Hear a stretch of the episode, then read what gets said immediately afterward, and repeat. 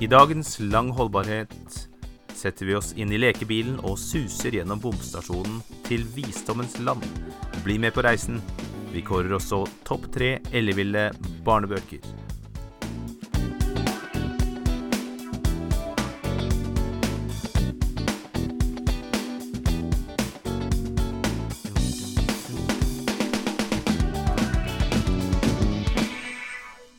Ja, hei Kari.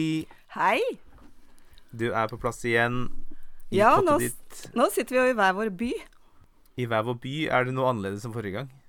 Eh, Nei, vi gjorde det da, men vi kommenterte det ikke. Det var første gang vi kjørte det fra to steder. Det er nesten som eh, magi. Eh, Ja, det passer veldig bra. Vi skal jo inn i magiens verden. Og i dag så eh, Ja, er det jo fantasy, og hva er det du eh, har for eh, forhold til det, egentlig? Altså I utgangspunktet så ville jeg sagt at jeg ikke er noe glad i å lese fantasy. Og voksenfantasybøker velger jeg vel aldri. Men jeg har lest mange fine barnebøker som må kalles fantasy. Og ja, kanskje jeg er mye mer positiv enn jeg egentlig tror. Hvorfor legger vi det bort som voksne, da? Eh, mange gjør jo ikke det. Jeg, ve- veldig mange voksne som bare leser fantasy. Så det stemmer ikke. Eh, jeg tror at grunnen til at jeg ikke er så glad i fantasy, er at eh, logikken forsvinner.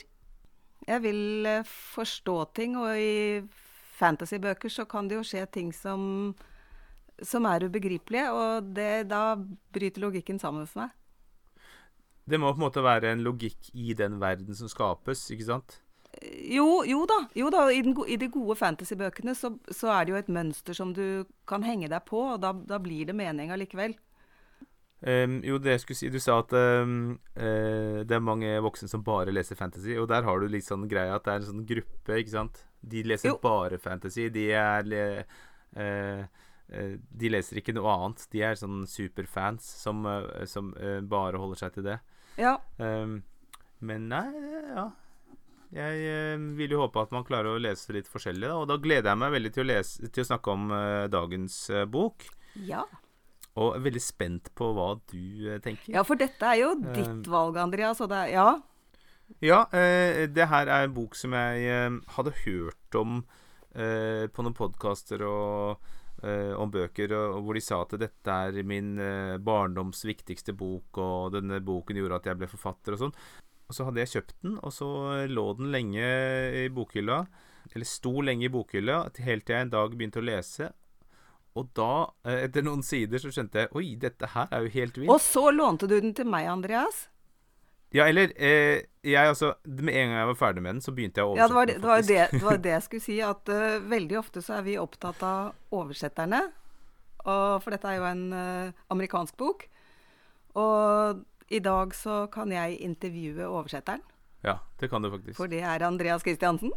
Ja, altså, eh, Det er vel eh, første gangen jeg har bare tatt en bok eh, og, og bare gjort det selv, og så senere sørget for at den blir gitt ut. For vanligvis så får man jo oppdrag. Eh, oversett denne boka.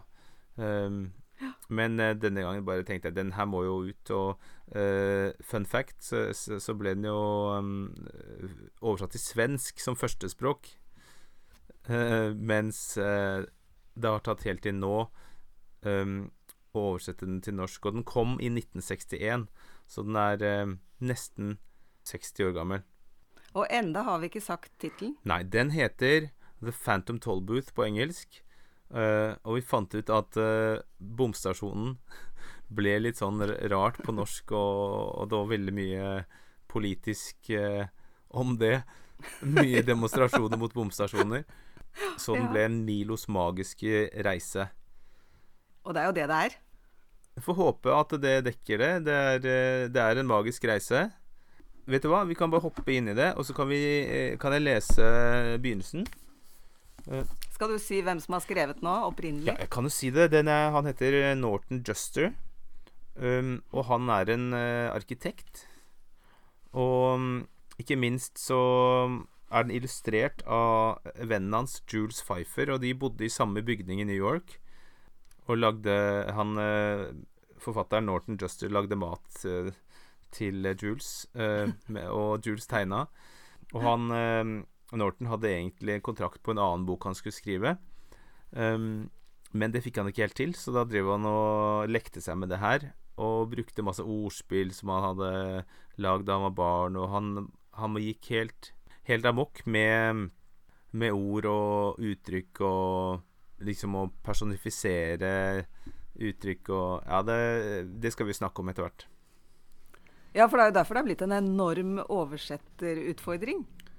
Ja. Um, en del av det var litt vanskelig. Um, og det var, det var, det jeg tenkte at det her må jo bare prøve på å få til. Uh, noen ganger måtte jeg uh, fjerne meg litt fra originalen. Mens andre ting var ganske greit. Det var f.eks. Uh, vitsen um, hvor de setter seg inn i en bil uten motor, så sier han hvordan skal, uh, hvordan skal vi bevege oss framover? Vær stille. It goes without saying. det er veldig morsomt. Ja, sånn, Men vi må, vi, ja. vi må, gi rammefortellingen før det kommer med flere eksempler. Andreas. Ja. Det handler om en gutt som heter Milo, og da leser jeg bare første side. Det var en gang en gutt som het Milo, som ikke visste hva han skulle ta seg til. Ikke bare noen ganger, men alltid. Når han var på skolen, lengtet han etter å være ute, men når han var ute, lengtet han etter å være inne. På hjemveien tenkte han på å komme hjem, men når han var kommet hjem, tenkte han på å dra ut. Uansett hvor han var, skulle han ønske han var et annet sted, men når han kom dit, lurte han på hvorfor han hadde giddet. Ingenting interesserte ham egentlig, minst av alt de tingene som burde ha gjort det. Nesten halvt virker som bortkastet tid, bemerket han en dag han gikk motløs hjemover fra skolen. Jeg skjønner ikke poenget med å lære å løse tåpelige mattestykker, eller regne ut hvor mange turnips jeg får igjen, eller å vite hvor Etiopia er, eller å stave interessant. Og siden ingen faktisk tok seg bryderiet med å gi ham en grunn, anså han hele opplegget med å tilegne seg så mye unyttig kunnskap som den mest bortkastede bruken av tid som fantes. Mens han og de dystre tankene hans skyndte seg bortover veien, for selv om han aldri hadde lyst til å være der han endte opp, likte han å komme seg dit så fort som mulig. Slo det ham som svært merkelig at verden, som var så stor, noen ganger kunne føles så liten og tom. Det verste av alt, fortsatte han trist, er at jeg ikke har lyst til å gjøre noe. Det er ingen steder jeg bryr meg om å dra, og nesten ingenting som er verdt å se. Han avsluttet denne siste tanken med et så dypt sukk at en gråspurv som kvitret i nærheten, lukket nebbet og fløy så fort den kunne hjem til familien sin. Ja, det er jo ikke en lovende start for en ung gutt. Han høres ut som han er livstrett som Ja, hvor gammel er han? Ti? Ja, han er ni eller ti. Han, ja, for han er ikke et lite barn, for han har ganske mye forståelse for verden, tross alt. Selv om han syns det er unyttig kunnskap og kjedelig kunnskap. Han vet jo at det er noe som heter matematikk og grammatikk og, og greier. Men han er, ja, han er eh, livstrett. Ingenting som betyr noe. Ja, det, det er litt Trist å være deprimert eh, så tidlig. Ja, absolutt. Men der ligger nøkkelen, kanskje, fordi han sier um, ingen Eller det står 'ingen tok seg bryderiet med å gi ham en grunn'. Nei. Så det, det er jo det som er eh, clouet. Uh, at noen må vise han uh, livets mysterier og åpne øynene hans, da. Mm. Og derfor kommer han en dag hjem og finner en gave. Og der, uh, der er, står det en enorm gave, og så pakker han den opp, og det er en bomstasjon um, med instruksjoner. Og vi aner jo ikke hvem det er fra. Det har um, ikke så mye å si. Og så setter han den sammen og kjører gjennom bomstasjonen, og kommer da inn til eventyrene. Men jeg har lyst til å, å, lese slutten, bare for å få den rammen som viser liksom hva hva som har skjedd. Eller jeg tror ikke jeg røper noe her. Den bare viser på en måte um, effekten av eventyrene hans. da um, For jeg, jeg, ser han liksom som en slags omvendt Alice. Alice er jo sånn uh, i Eventyrland er jo sånn uh, nysgjerrigjente som, uh, som starter med å krabbe inn i hullet, og hun er kjempenysgjerrig. Ja. Uh, han er jo ikke det, men han, han blir det. Han blir det. Um, ja, la oss høre.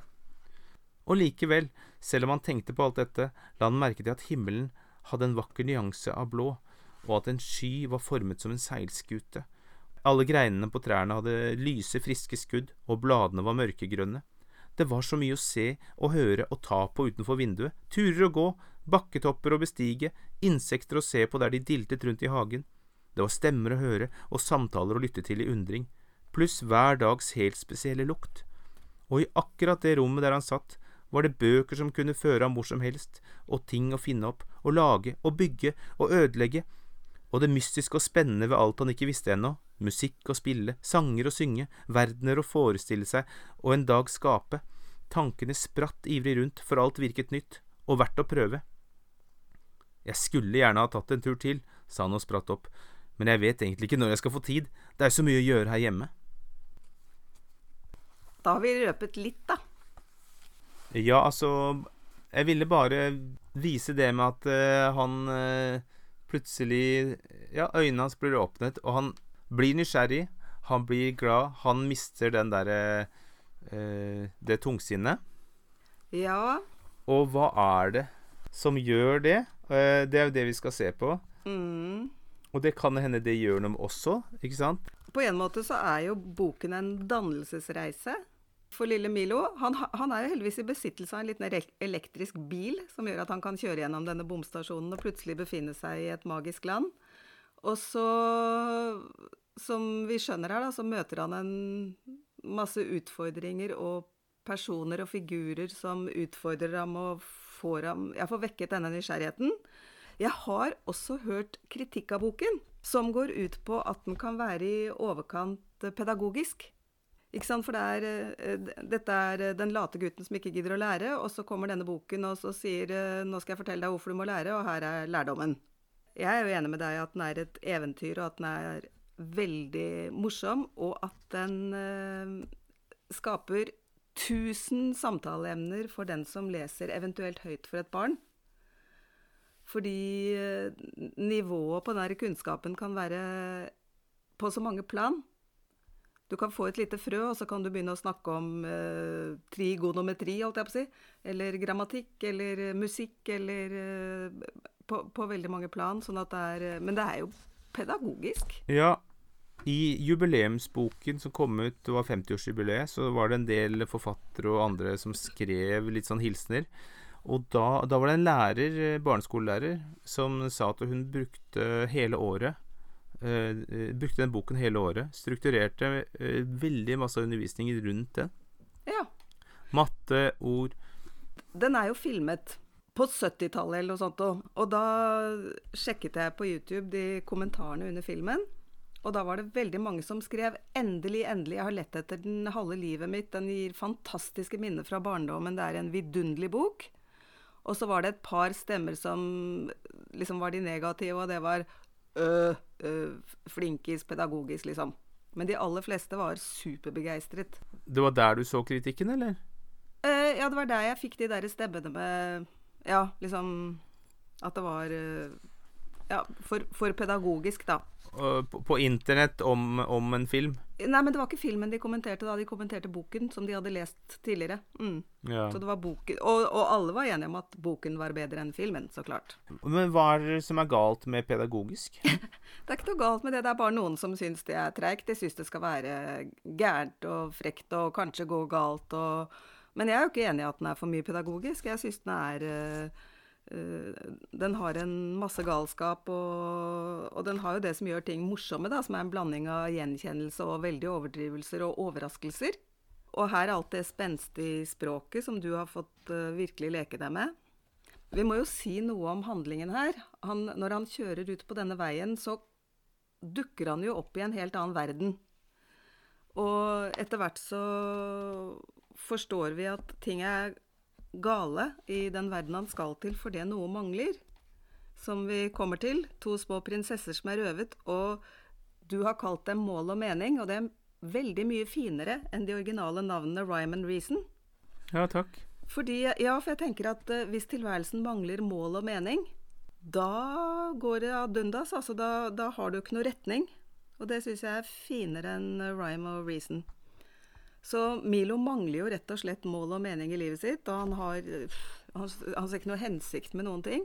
Og du var inne på det der med depresjon i sted. Boken kan jo faktisk leses som, som en bok om mental helse. Ja, det er ganske sånn uh, mange som er opptatt av for tiden. Ja, ikke sant. Og, og, en god bok kan jo leses på mange plan. Man trenger overhodet ikke å gjøre det, men det er jo, han er jo flat og uinteressert og ser ingenting, og plutselig så så for det første så um, skjønner vi at han er nødt til å ta litt ansvar selv. Hvis du skal få mål og mening, så må du uh, Du må gripe sjanser og våge litt og, og, bruke deg selv og ikke bare dette bort. Og det viser at du Ja, latskap og sånt noe, det fungerer ikke. Og så må du kanskje bygge vennskap og relasjoner og ja, bli med på alt det gærne. Så um, plutselig så ser han jo livets uh, farger og lyder og mening og og, og og, hjelpe andre, kanskje. Han får jo et oppdrag, en sånn typisk Quest. Um, men han, uh, han, sier seg villig til å hjelpe noen andre og se litt utenfor seg selv. Absolutt. Mm. Um, så da kommer vi inn i handlingen, og så er det jo eh, på en måte episode etter episode etter episode hvor han møter forskjellige figurer, da. Ja. Um, den ene rarere enn den andre. Men jeg kan kanskje si bitte litt om, uh, om liksom strukturen eller handlingen. Ja. Som er det at det er uh, to, disse to brødrene uh, i dette riket som har én by hver. Det er Talopolis hvor det er eh, liksom, tall som er viktig, og Oropolis, hvor det er bokstaver og ord som er viktig. Og de krangler om hva som er viktigst, bokstaver eller tall. Og derfor så har de da forvist eh, søstrene Mål og Mening til eh, luftslottet. Og Milo må da uh, redde disse, disse prinsessene fra luftslottet. Og da må han ha tillatelse fra de to uh, kongene. Og så er det oppe i, i, fjellene, og hvor han møter masse uh, forskjellige demoner av ulike slag, som vi kan kjenne oss igjen. Ja, og alle, alle disse demonene er jo knyttet til uvitenhet. Mm. Til, uh, til, angst for sannheten. Til redsel for uh, å se virkeligheten i øynene. Så det, det handler jo om å, å, få både mål og mening og kunnskap og opplysning tilbake i verden. Og så er det jo litt sånn tre musketerer, da, disse som uh, påtar seg å redde prinsessene. Det er jo Milo som er en sånn Vi kan ikke akkurat si han er en helt. Han er nesten en sånn antihelt. Ja. Og så får han jo med seg en feig og vettskremt bille. Mm, Tullbillen. Tullbillen. Og så får han med seg en, uh, en hund. En vekkerklokkehund. Tidspa. Ja. Som, ja, Tidspa er ganske modig og tøff. Tullbilen er forfengelig og feig. Og disse tre utgjør en, ja, sånne tre musketerer på tur, da. Mm. Og som du sier, så møter de en masse skikkelser underveis som både hjelper dem og utfordrer dem. Det er ikke godt å si uh, hvorfor denne turbilen er med, for uh, han er jo ikke til noe særlig hjelp. ja, men kanskje han ligner på mange av oss? Han prøver jo å stikke av flere ganger. Han skal melde seg frivillig til å stå vakt mens de andre går på de farligste stedene og sånn. Ja, ja, ja. så han, han, han, feiger ut gang etter gang og sånn uh, Ja, er, vi er jo ikke like modige alle sammen, men han blir med. Mm. Så jeg syns det er viktig at han er med. Det, eh, nå, nå kommer jeg på disse Når han, de er oppe i fjellene, og så blir de liksom forhekset eller hypnotisert av sansesamleren til, eh, til å se liksom sine drømmer, hva de egentlig drømmer om. Og det forteller jo mye om hvem de er, da, og hva som bor inni dem. Ja. Eh, da var det Tullbillen. Han ser vel Han får en masse applaus og, og ære og oppmerksomhet og sånn. Ja. Tispa var vel sånn eh, all mulig slags lukter og Ja, og Milo ser vel et tivoli, gjør han ikke det? Han ser et tivoli med ja, sånn typisk sånn hva som lokker barn med masse ja. farger og, og latt, glede og latter og karuseller. Ja. Nei, det sier jo mye om, om dem. Noen av karakterene, hva, hvem tenker du på? Liksom, eh, hvem likte du best? Det er jo veldig sånne kontraster mellom de stedene de besøker. Det er jo i starten av reisen så glemmer Milo seg litt bort der han sitter og kjører. Og han, øh, han liksom blir doven, og, og tankene forsvinner. Og da kjører han seg vill og kommer til et merkelig land hvor øh, alt er grått, alle fargene forsvinner. Og der er det alle vesenene går det nesten ikke an å se, fordi at de er like grå som omgivelsene. Og de er helt daffe og slappe og elendige, og de orker ingenting. Og de har en meningsløs timeplan i den der byen eller landet hvor de er, hvor de skal hvile og vente og uh, Ingenting som har med energi eller våkenhet eller liv å gjøre. Her er det helt forferdelig. Ja, la oss lese timeplanen. Ja. Klokken åtte står vi opp. Fra åtte til ni dagdrømmer vi. Fra ni til halv ti tar vi vår tidlige formiddagslur. Fra halv ti til halv elleve somler og nøler vi. Fra halv elleve til halv tolv tar vi vår sene formiddagslur. Fra halv tolv til tolv ser vi tiden an og spiser lunsj. Fra ett til to henger og slenger vi. Fra to til halv tre tar vi vår tidlige ettermiddagslur. Fra halv tre til halv fire utsetter vi til i morgen det vi kunne ha gjort i dag. Fra halv fire til fire tar vi vår sene ettermiddagslur. Fra fire til fem driver vi dank fram til middag. Fra seks til sju sløver vi. Fra sju til åtte tar vi vår tidlige kveldslur, og i en time før vi legger oss klokken ni, kaster vi bort tid. Det er helt forferdelig. Så, så det husker jeg som et sånt helt skrekkelig sted, ikke sant? Hvilken side var du på? Side 22. Side 22. Fordi at uh, hit er han jo kommet fordi, fordi, han var tankeløs og glemte seg. I inerti, i treghetens land. Og, og det er også her han møter Tispa, denne eh, bikkja med vekkerklokke på seg, som passer tiden, og som skremmer vannet av disse dovne folkene. Og når de så skal uh, bevege seg videre, så lurer Milo på hvordan han skal få bilen i gang. Og hvordan i all verden skal han få bilen i gang? Han må tenke. Mm. Og da får han jo full tank.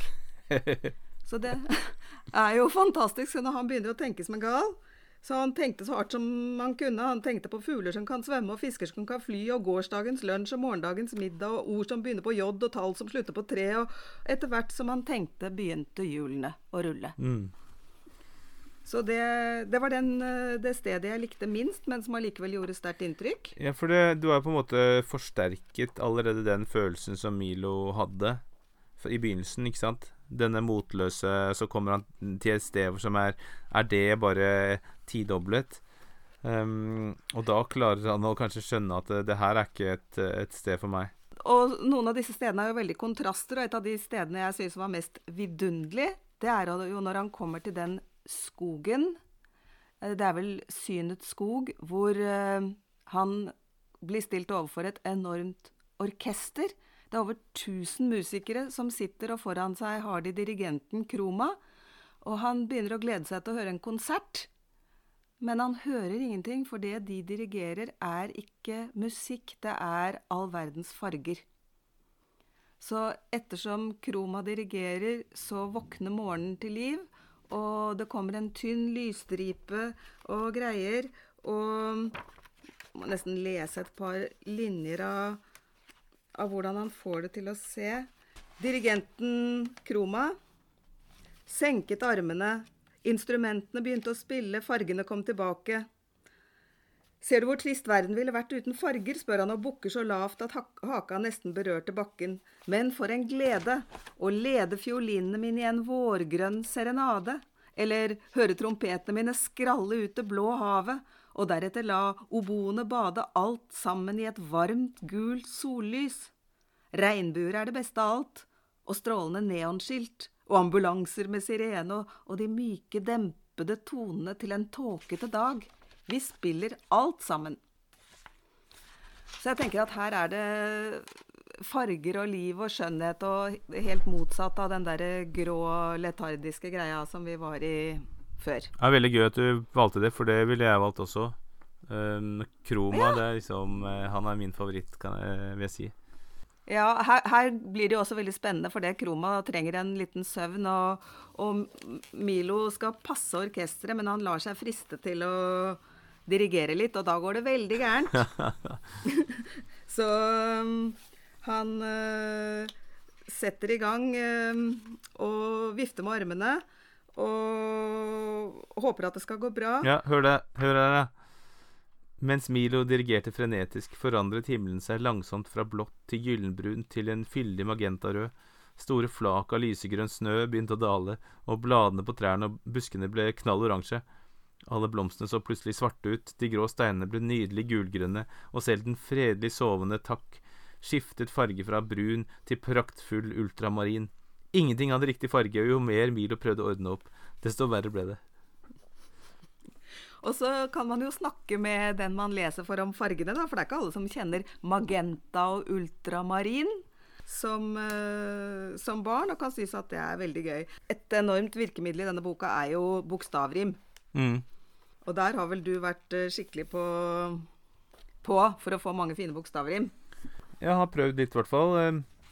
Jeg, jeg syns du har fått det til veldig bra. Vi er i uvitenhetens utmark, og flotte faner fritt feiende i vinden, og kvasse, knudrete klipper, og det, det skjer hele tiden. Ja. Det er liksom eh, ganske lett eh, Her er vi doktor i dissonans. Kakofonus S dunder. Eh, det, som, det som var verre, var jo um, disse um, homonymene som betyr det samme. Ja. Det er for eksempel witch og witch. Ja. Det er en heks, og så sier han Nei, jeg er eh, hva? Um, det er liksom Hun forteller um, hvilke ord som er viktige å bruke. Ja. Da måtte jeg liksom leke litt med det, så da ble det istedenfor den, den eh, vanvittige heksa, så ble det den hva-viktige heksa. ja, og for at barn skal skjønne det, så må de kanskje tenke litt. Ja, men witch og witch må man også tenke på, for det er jo ganske snåle ting, men hun forklarer det jo. Ja. Det blir sagt at ehm, Det var liksom smått utrolig at den ble gitt ut fordi at eh, fordi at eh, faktisk Selv om du har sagt at den er pedagogisk, så er den ikke eh, realistisk og pedagogisk eh, sånn sett at eh, den er lett å forstå. ikke sant? Det er veldig masse vanskelige ord og konsepter som går langt over hodene på barn. Ja. Så hva syns du som eh, funker det med dodekaedre og disse tingene som eh, ja, kanskje er uforståelige, som må forklares? Nei, det, altså, nå valgte vel du det vanskeligste, det der dodekaedere, som til og med jeg måtte slå opp. Det er en figur med tolv sider. Visste du det? Eh, nei da. Nei? Måtte jo slå opp, jeg òg. Men jeg syns ikke det gjør noen ting at man eh, må finne ut og lære ting underveis. Jeg syns det er morsomt. Og eh, språkføringen er en blanding av enkel fortelling og heftige begreper. Og, og så tenker jeg nettopp at det, er, at det er interessant og artig at voksne og barn den, den bør jo nesten leses høyt, i hvert fall for noen aldersgrupper. Og at de kan snakke sammen og forske på ting og finne ting og diskutere ting, det syns jeg er kjempegøy. Og, og mange av disse ordene er sånn som er morsomme for barn å smake på. Og nettopp det at uh, metaforer og sånn blir eh, behandlet helt konkret, da, det er jo veldig morsomt. Eh, trekke forhastede slutninger, f.eks. Mm. At, man da, at det plutselig er et uh, konkret sted man blir trukket til. Uh, at forhastede slutninger er en øy. At en fyr som er veldig slitsom å høre på, han egentlig holder til i kontekst. Men han, uh, han liker ikke å være der, så han er utenfor kontekst. Og ja, mange sånne rare ting som blir eh, artig å lese om og høre om. Så jeg syns ikke at det gjør noen ting. Jeg syns at det er bra. Det åpner for samtaler. Og veldig mange barn syns ord er gøy. Og de som ikke syns det, de kan man jo bare la være å lese denne boka for. Mm. Nei, men for at det, Da måtte jeg være litt streng når uh, denne her ble språkvasket, ikke sant? For, Ja. for at da, uh, da ville de forenkle og så videre. Så, men jeg visste at det her er jo Her er meningen at uh, det skal ikke forenkles. Så når det kom sånne kommentarer Det her skjønner vel ikke barn. Så måtte jeg si at nei, det, det spiller ingen rolle. Det, det, det, da får de heller ikke skjønne det, og så skjønner de det neste gang de leser, eller så får man snakke om det. Eh, Jeg er helt enig, for at, uh, de skjønner jo heller ikke f.eks. Milo møter en gutt som heter Alex Bing, og han står oppe i luften. Og han syns det er rart at Milo står ned på gulvet, eller på bakken. Og for han sier at eh, han Alex Bing sier at uh, mine folk, vi, vi begynner opp oppe i luften, og så vokser vi nedover mot bakken, og når vi er voksne, så når føttene våre helt ned. Og alt kommer an på perspektivet. Ja, så kan man snakke om perspektiv, da. Og, og dette er jo også meningsløst, og det fins ikke, og det er fantasi. Men det, uh, det gjør at man kan uh, ha det gøy å snakke om saken. Men eh, yndlingssetningen min i boka, Ja. eh, den står på 179, og der står det Du godeste, tenkte Milo. Alle er så fryktelig nærtagende når det gjelder det de kan best. Fordi at han møter jo folk som er eksperter på forskjellige områder, og som blir såre og sinte og slåss. Og selvfølgelig disse to kongene i utgangspunktet, med ord mot tall, hva er viktigst? Eh, stillhet og farver. eh, Støy eller stillhet. eh, Hva, hva som er noe, og hva som ikke er noe. Det, og det er jo veldig sant, da. Det er jo det vi krangler om i verden. Hva er, det som, hva er viktigst? Ja, så for meg så um, slo det meg spesielt fordi jeg har studert i Trondheim, um, og da er det NTNU uh, Gløshaugen mot Dragvoll, da. Og de er fortsatt sure på Gløshaugen fordi at uh, Fordi at vi uh, De slo sammen de to i, i, i NTNU-paraplyen. Så da får man stadig vekk høre, da, hvis man er uh, studerer sånne humanistiske fag, så uh, at, at det er ikke like bra som Det er ikke like bra som ingeniørting. Realistiske fag. Hva er vitsen med det, Det liksom? spørs om ikke realistene er verst her. Ja, de er veldig arrogante på det. Jeg vet ikke om det er en slags sånn mindreverdighetskompleks. Jeg vet ikke hvor de får det fra. Nei, det ble jo veldig irriterende da, ikke sant, å høre det hele tiden. At det du studerer, ikke er bra. Altså, denne her boken må være perfekt for de uh, der oppe. Men det viser, jo, det viser jo at dette er stemmer, da, som Milo sier. Og, nei, men eh, Det er gøy derfor at det er en arkitekt som skriver den. ikke sant? Fordi han, han vet litt om det her, eh, og han klarer, å, han klarer å bygge bro, da. Ja, ja, han fryder seg over eh, alle, alle sider. Og demonene, på, på, når de er ute på sin quest på slutten da, og så skal prøve å redde mål og mening, så må de jo kjempe mot å rømme fra en masse farlige demoner. Og navnene på de demonene, det, de, demonene, det er jo kompromiss og etterpåklokskapen, hatet, skadefryden, den blærete besserwisseren, den grove overdriveren, dårlige unnskyldninger og dilemmaer er jo blant annet de som uh, jager dem. Og Sløse Sluntredal. Det, det var det Det var det min venn eh, Språkvaskeren, en sånn fancy forfatter, som fant på det. Det er litt sånn Donald-aktig. Ja. Jeg var litt redd for at det skulle bli for Donald, men, eh, men, det er gøy at det Ja, han fikk leke seg litt, han òg. ja. Jeg skulle bare si at uh, det samme med Alice i Eventyrland. Ikke sant? Det er skrevet av en matematiker, ja. Louis Carroll. Så, så kanskje det er noe der. Altså, jeg må si at jeg kjenner veldig mange ålreite realister. Som, og jeg kjenner veldig mange realister som er glad i fantasy. Mm, Ja. der har du det. Ja. Yeah. Så, så nei, jeg, jeg, skal, jeg skal ikke eh, være slem mot realistene. Jeg har selvfølgelig mange venner som er eh, Som er realister. Mm. Og mange jeg ikke ble venner med. Og mange du ikke ble venner med. ja. Et annet navn du er veldig flink med, syns jeg, det er konstabel Kort Prosess. Ja, han likte jeg. Milde Makaber og Kort prosess, de likte jeg. Ja, for i byen Ordopolis, eh, hos ordene, hos eh, kong A til Å, selvfølgelig bokstavkongen, så har de en politi, en, en konstabel. Og han er eh, breiere enn han er høy. eh, og han er ikke bare konstabel, han er også eh, dommer og fengselsbetjent. Og da gjør man jo virkelig kort prosess. Han, ja, for han liker heller ikke lange dommer. Han syns det er veldig fint med korte dommer, så han foreslår eh, terningkast fem når han skal dømme Milo og vennene hans for å ha laget baluba på torget. De får en veldig lang dom, forresten. Er det seks millioner år de får først? Ja, men det var jo ikke så veldig farlig å bare gå ut av døra. Ja, for han var veldig opptatt av å sette folk i eh, fengsel, men han var ikke så opptatt av å holde dem der. Altså, det står her um, Vil du ha en kort eller lang dom? En, en kort, vær så snill, sa Milo. Bra, sa dommeren og slo tre ganger med klubba.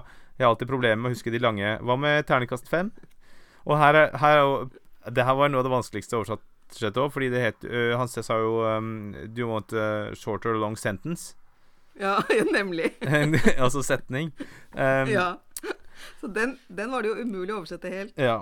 Så uh, terningkast er den korteste og dummeste dommen jeg vet om.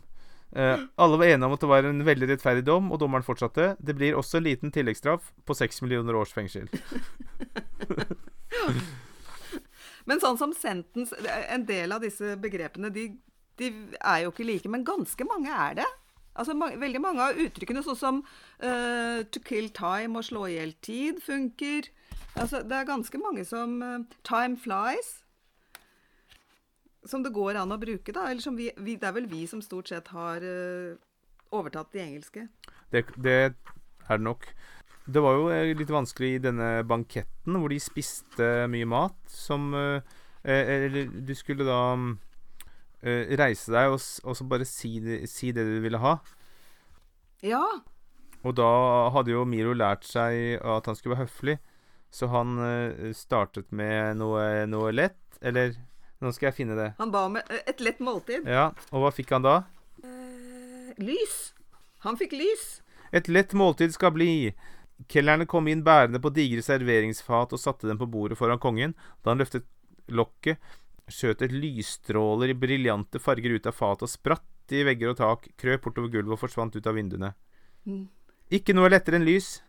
Eh, Men det er ikke særlig mettende, sa tullbilen og gned seg i øynene. Men det er tiltalende for øynene. Kanskje kunne foreslå noe litt mer tilfredsstillende. Og så er det solid måltid. Ja, riktig. Eh, og da på engelsk så var jo det square meal, så det var sånne Ja. firkanter de kom med. Um, så det her uh, sleit jeg litt. Men da kom det som med store stabler og harde fir firkanter i alle størrelser og farger. Nei, men for den der lighten uh, har jo selvfølgelig ikke vi. Ikke sant? Ikke sant? Lys. Så det her, her var vanskelig. Men ellers så var det jo veldig mye gøyal mat jeg fikk, eh, jeg fikk boltre meg i, da. Ja. Her, her prøv litt salt og mortale, foreslår hertugen. Det forbedrer smaken. Ta litt levebrød. Eller en suppegjøk. Kanskje har lyst på egg fra en verbehøne. ja. Eh, Hvorfor ikke prøve litt preparasjonsfrukt? Her lå jeg våken mange netter for å, for å tenke ut. Det skjønner jeg veldig godt. Ellers så, handler jo også boka om for lite eller for mye av ting. Altså at uh, først så er uh, mang Mangler han mye energi og mangler mye ord og sånn, og så kommer han til uh, Ordopolis hvor um, hvor de har ord, og det er supert, men de har jo faktisk for mye av det. Kongen har fem rådgivere. Ja. Og de fem rådgiverne, de eh, Han ene er hertugen av definisjoner. Og så er det ministeren for mening, jarlen av hovedsaken, greven av konnotasjoner og funksjonæren for forståelse. Og hver gang de sier noe, så kommer de med holdt på å si, hvert sitt synonym, så alle sier det samme, men på hver sin måte. Eksempel når han ene sier nonsens, så sier han andre latterlig, og han tredje tåpelig, og han fjerde absurd, og han siste visvas. Mm. Og da blir det jo ikke oppklarende lenger, det blir slitsomt. Så det blir sånn litt for mye og for lite galt i begge deler. Og det var det jeg faktisk eh, sto på nippet til å lese da vi snakket om sånne vanskelige ord og pedagogikk eller ikke. For da eh, Når de snakker om eh, denne vognen de skal sette seg inn i Jeg bare må finne tilbake til det. Her. Um, oh, ja. Vi tar kjøretøyet vårt, befordringsmiddelet, doningen, sjarabangen, karjolen, kjerra, giggen, landaueren, skranglekassa, ramset de kjapt opp og pekte på en liten trevogn. Uh, og her er det ord jeg ikke har hørt før òg, ikke sant? Jeg tror jeg har hørt alle. Sjarabangen. Ja. Ja, da gratulerer. Du er litt eldre enn meg. Veteranbil. Det er noen gleder ved å ha lest bøker i mange år. Landaueren, det tror jeg heller ikke Jo da, Landauer har du hørt. Nei, jeg, jeg er helt åpen på at jeg har, har blindsoner. Andre ting som uh, fine uttrykk du fikk, var jo um, dette ordet som uh, Milo skulle Han skulle smugle en lyd ut av en borg, og da la han det jo på tungen sin. Og når de andre spurte hvor det var, så kunne han jo svare 'Jeg har det på tungen'. Ja. Så den var jo også fin. Og jeg likte også da han eh, kommer til et hus og spør om er dette riktig vei til eh, Ordopolis? mm. Og får det svaret at uh, så vidt jeg vet finnes det ingen gal vei. Og så sånne faste uttrykk som vi bruker hele tiden uh, Hvis ikke det er en gal vei, så må det jo være den riktige veien. Mm. Så det blir uh, vridd på det meste. Og det, det tror jeg også er sånn som barn syns er veldig morsomt. Ja. Og når han kommer til eh, tallenes by, til Talopolis, så blir jo tallene gravet ut av i en tallgruve. Og han eh, tullbilen, som er eh, opptatt av Ja, som er en jålebukk, han, han er, vil gjerne finne edelstener der inne.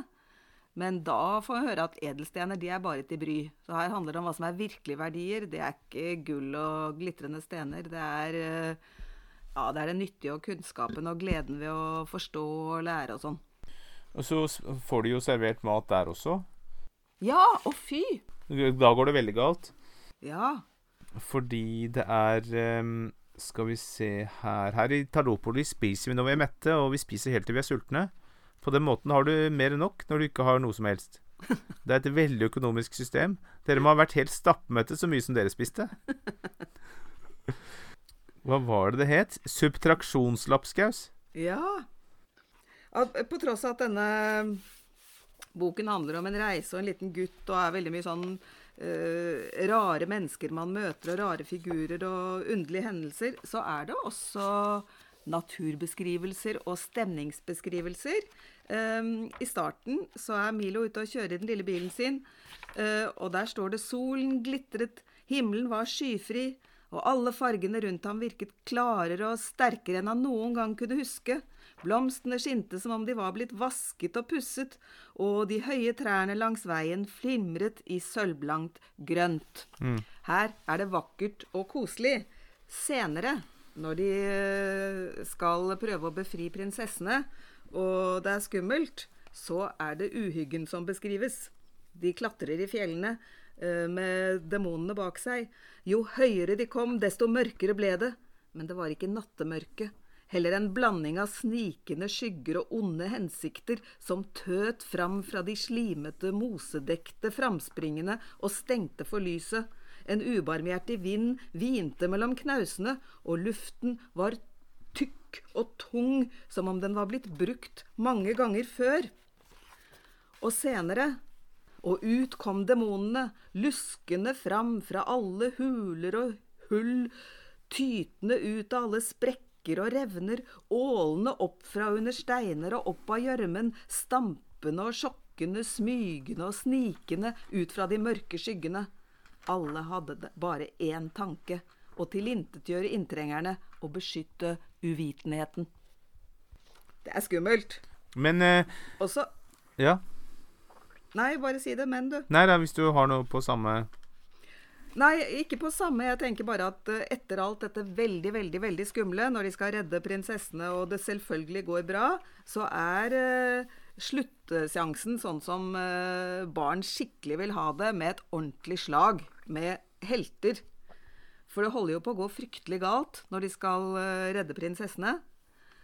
Eh, og alle demonene er rett i hæla på dem bak, og de stormer eh, de, Det går nesten galt, men plutselig bråstanser de som om de hadde stivnet i løse luften, ute av stand til å bevege seg og bare stirret framfor seg i skrekk. Demonene, altså. Milo løftet sakte det trette hodet, og der på den andre siden, på hele den digre sletta, sto visdoms samlede tropper og ventet, med solen glinsende i sverd og skjold, og de flotte fanene fritt feiende i vinden. Hør bokstavrimen, da. Et øyeblikk var alt stille, så lød tusen trompeter, etterfulgt av tusen til, og som en bølge på havet rykket den lange rekken med ryttere framover. Først langsomt, deretter raskere og raskere, helt til de feide fremover mot de forferdelige demonene i huiende galopp. Det var musikk i Milos ører. Og da er det kong Atilo og matemagikeren som har slått seg sammen og blitt venner for å gå mot demonene og ønske prinsessene velkommen tilbake. Det er en praktfull avslutning, da. Ja, det er praktfullt. Og så når han eh, alt er greit, og han eh, forlater dem, så hører han at de begynner å sånn småkrangle igjen. Og så, og så får du følelsen av at eh, nå blir det snart klart til neste nest, Neste kid som skal på besøk. Ja. Så, så, sånn at det går en evig rundgang her, tenker du? Det er klart for, Ja, ja. klart for nye opplevelser? Hvor, hvor målet er å friske opp uh, ungdommen. Ja. Og gi dem uh, livsgleden tilbake. Eller det overpedagogiske igjen, da. Det er alt etter hvordan man ser det. Men, men eh, jeg, jeg har en annen scene som jeg syns var fin, hos lydvokteren, hvor de driver og eh, klapper hvor lyder blir til eh, virkelighet. Hvor han klapper, så kommer det masse ark ned Å ja! Ja, på side 140. stemmer. Så er det jo tegning av det. Så at, eh, at lydene kommer liksom ut som fysiske objekter. Og det er, det er veldig flott. Og vi kan også snakke om tegningene. Hva syns du de tilførte Altså, nå er jo dette en bok fra 1961. Og det er sort-hvitt-tegninger som for noen kan fortone seg ørlite gammeldagse. Jeg syns jo de er eh, både morsomme og skumle og kreative og ganske vakre. Jeg syns absolutt de tilfører det, det, er bilder man kan reise i. Så Demonene er jo fantastisk eh, tegnet her. Og nei, alle sammen. Nei, jeg liker dem veldig godt. Ja, fordi jeg, jeg, tror, jeg tror ikke vi kunne tror ikke vi kunne tatt bort de fordi at de er, de er en så viktig del av boka, den, den klassikerboka, da. Ja, ja, ja. Absolutt. Og den uh, Det er jo sort-hvite strektegninger, men de er veldig fantasifulle og, og litt sånn gærne, sånn som innholdet. Eh, men eh, det store spørsmålet for meg er jo hvorfor har ikke denne her slått an i, i Norge? Altså hvorfor altså Én ting er at den ikke har blitt oversatt, men hvorfor er det ingen som har hørt om den? Nei, det kan du si. Det, vel, det har vel med akkurat at den er fryktelig vanskelig oversettbar, da. Uh, kanskje at den er amerikansk istedenfor engelsk? Ja. At vi har hatt tettere bånd til den anglofile verden? Jeg vet ikke. Ja. Kan være det. Det er litt lenger til eh, Amerika. Ja. Og for eksempel Dr. Sus eh, var også eh, veldig lite kjent helt til bare for noen år siden i Norge. Ja, mens alle kjenner Alice, liksom, i Eventyrland. Ja. Men det er i hvert fall eh, Som sagt, hvis man går og, og, leter på steder, så er det enormt mange som sier 'Å, beste boka jeg leste som barn, og yndlingsboka mi', og endelig dukker den opp, og så det er veldig, veldig stor uh, begeistring for den, i hvert fall i, i USA. Yes, jeg bare håper at det, det, er noen som oppdager den her i Norge nå. At den ikke bare forsvinner i, i, i, i mylderet av bøker. Nei, så tenker jeg Den er jo veldig morsom for de voksne å lese òg, i og med at den er så ja, intrikat og mange gåter og mye tullball og Ja, veldig mye man kan snakke om mens man leser. Ja, den er altså veldig uforutsigbar. Ja, til, til, tross for det pedagogiske, så aner du ikke hva som vil skje på neste side. Nei. Um, ja, og så skal vi jo snakke om topp tre elleville barnebøker, og da får vi kanskje noen av dine barndomsopplevelser, uh, eller? Nei. Det får du ikke. Eller dine barns barndomsopplevelser? Kanskje det. Er, vi, er, vi, eh, fornøyd nå, eller skal vi Hva syns du? Skal vi snakke mer? Nei, vi kan godt uh, si at vi har uh, gjennomgått Milo på en ganske god måte. Vi kan si at de som leser den, får enda flere opplevelser og enda flere spenstige skikkelser og, og ting å oppleve og morsomme ordspill og ablegøyer. Vi trenger jo ikke å nevne alt. Nei, og det hadde vært ganske vanskelig, fordi det er jo så mye. Så det er jo gøy, da, at eh, vi lar noe være igjen. Ja, og at den eh, Du bør være åtte-ni år i hvert fall, og så er den morsom for større barn, ungdom og de voksne som leser, og besteforeldre og alle sammen. Ja, jeg tror ikke du kan bli for gammel for denne boka. Nei.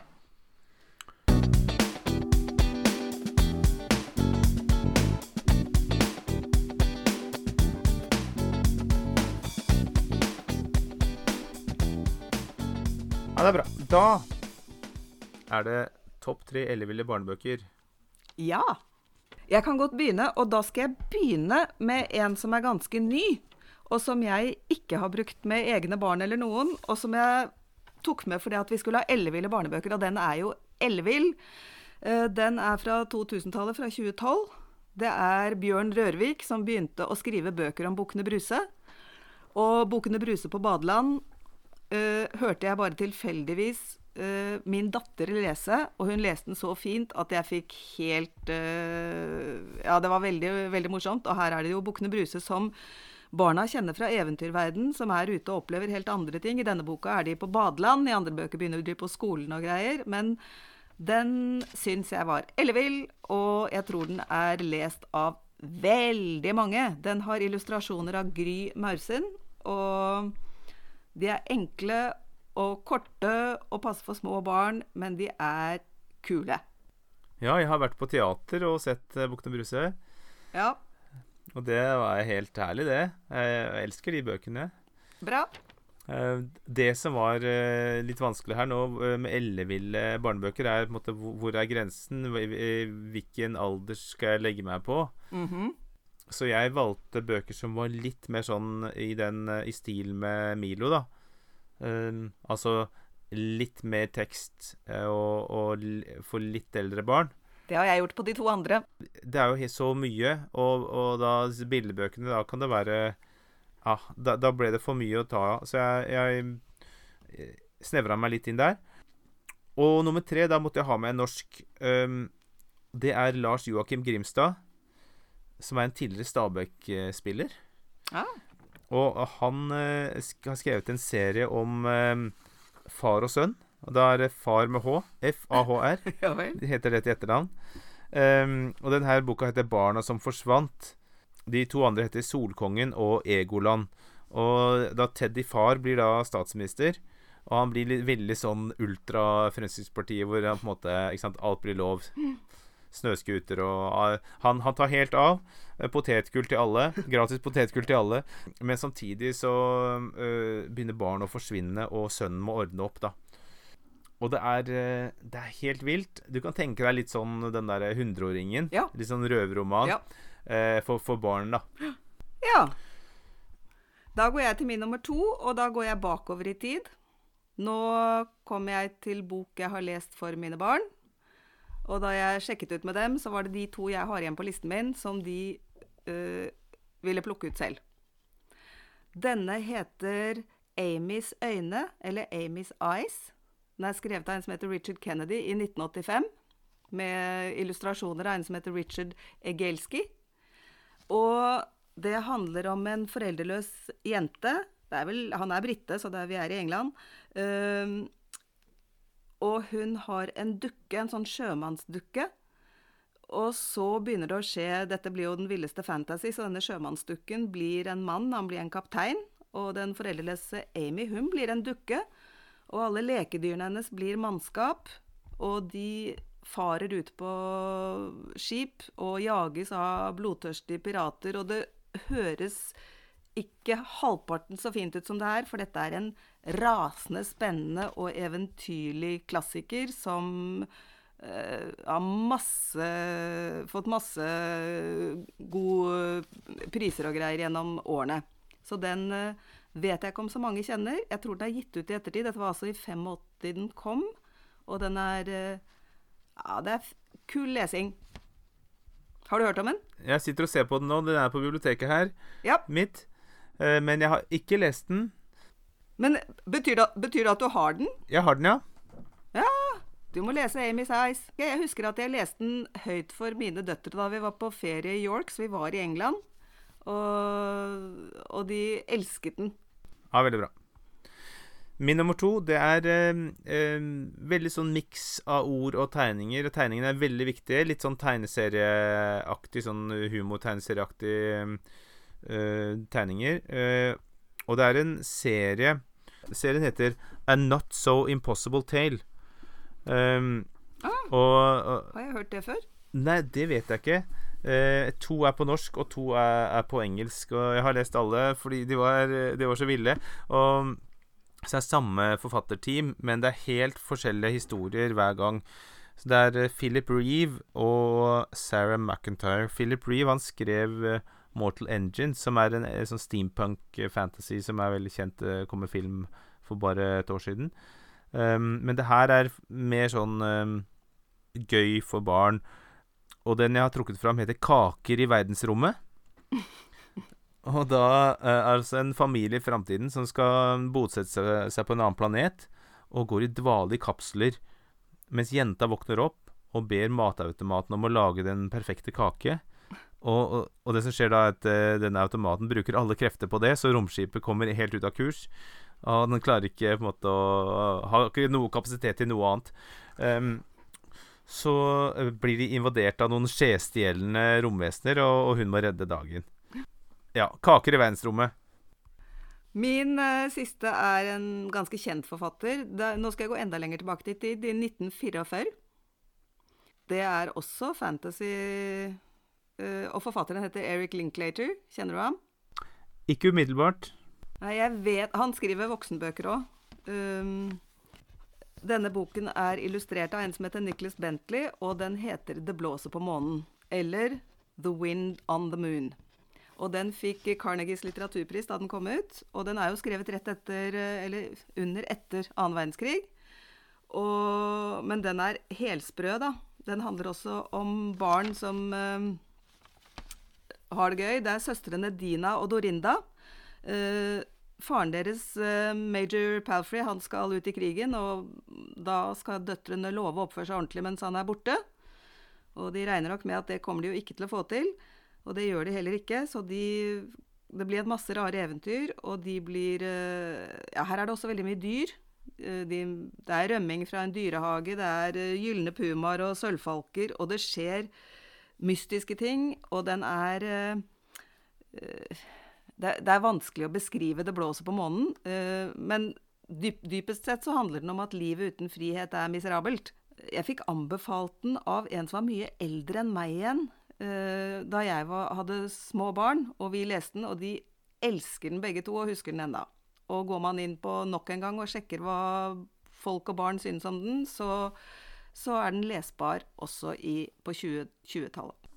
Det er veldig artig. Den har jeg ikke hørt om. Nei, den er Jeg tror det er en skikkelig klassiker. Altså sånn Noen mener at den bør stå i hylla sammen med Alice i Eventyrland og sånn. Og ved siden av Milo? Ved siden av Milo. Kanskje til og med Amy's Eyes. Amy's Eyes er mer sånn tradisjonell eventyr Skikkelig eventyrlig reise med sjørøver og sånn. Uh, det blåser på månen er mer, litt mer crazy og underlig. Veldig fine bøker, begge to. Veldig gøy. Skal du ha min siste? Ja. Og det var den jeg visste med en gang. De andre to sleit jeg litt med å, med å finne.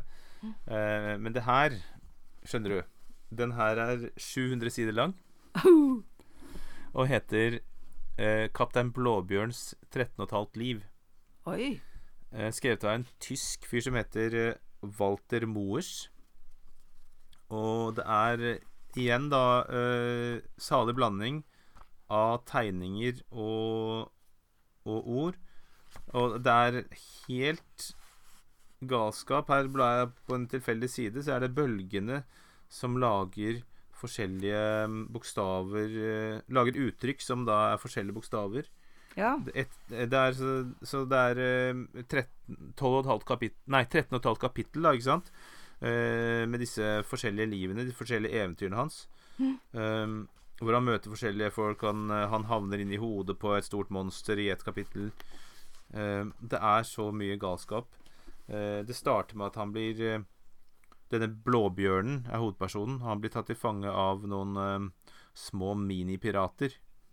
så, så på forsiden så sitter han da fem meter over disse små minipiratene. I en liten båt. Men Hvem passer denne for, da? Den passer for, for alle. Det er jo litt det er samme som Milo, liksom sånn 9 til 99. Det er, det er så morsomt, og, og det er et, et, et, langt eventyr, og det skjer så mye gøy. Mm. Ja, det er um, veldig, veldig oppfinnsomt.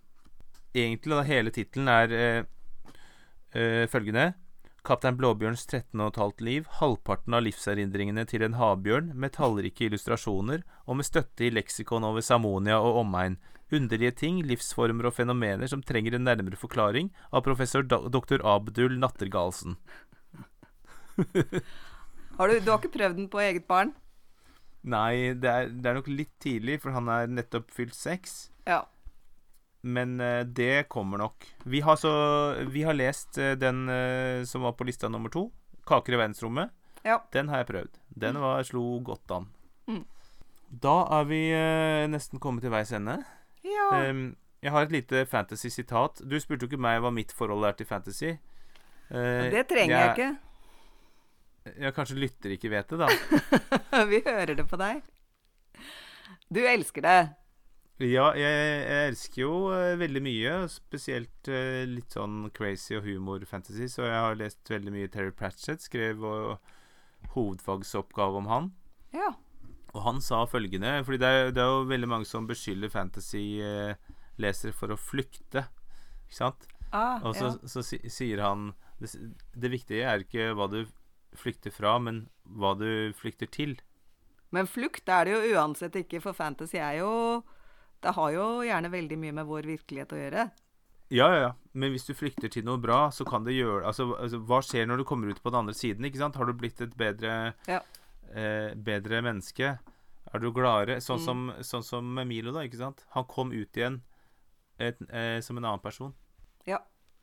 Og så i, i alle disse barnebøkene så er det en forutsetning å bli kvitt foreldrene for at boka skal kunne bli fin. Det Er ikke det rart? Jo, så det skjer et eller annet de må, Ja, Milos foreldre hører vi jo aldri noe om. Han der som jeg sa i Det, mm, det blåser på månen, der han reiser i krigen eh, ja, eh, Foreldrene må på en eller annen måte trylles bort for at det skal begynne å skje herlige ting. Ja, også i en eh, gøy du, du sa det, for at det er en kandidat jeg hadde til lista mi. Det er um, en som heter Chris Riddle, som er, var nettopp sånn um, nasjonalskall i England, hvor han, han også tegner og skriver. Og han har en serie som heter Ottoline. Ottoline-bøkene. Eh, og der er foreldrene da sånn eventyrere som alltid er på reise og bare sender postkort hjem til dattera. så, så da møtte jeg en, en, en jente som studerer pedagogikk, som, skri, som skulle skrive oppgave om, eh, at om forsømmelsen av dette barnet. Da, og at, eh, at hun led sånn eh, psykiske problemer pga. det. Men, eh, men faktum er jo at foreldrene skal bare De må bare ha veien Selvfølgelig. for at barna skal få ha eventyrene. Ja, ja, Ellers så blir det ikke noe bok. Men altså, tolker vi det for bokstavelig, så blir det jo helt grusomt. Ja, ja, ja.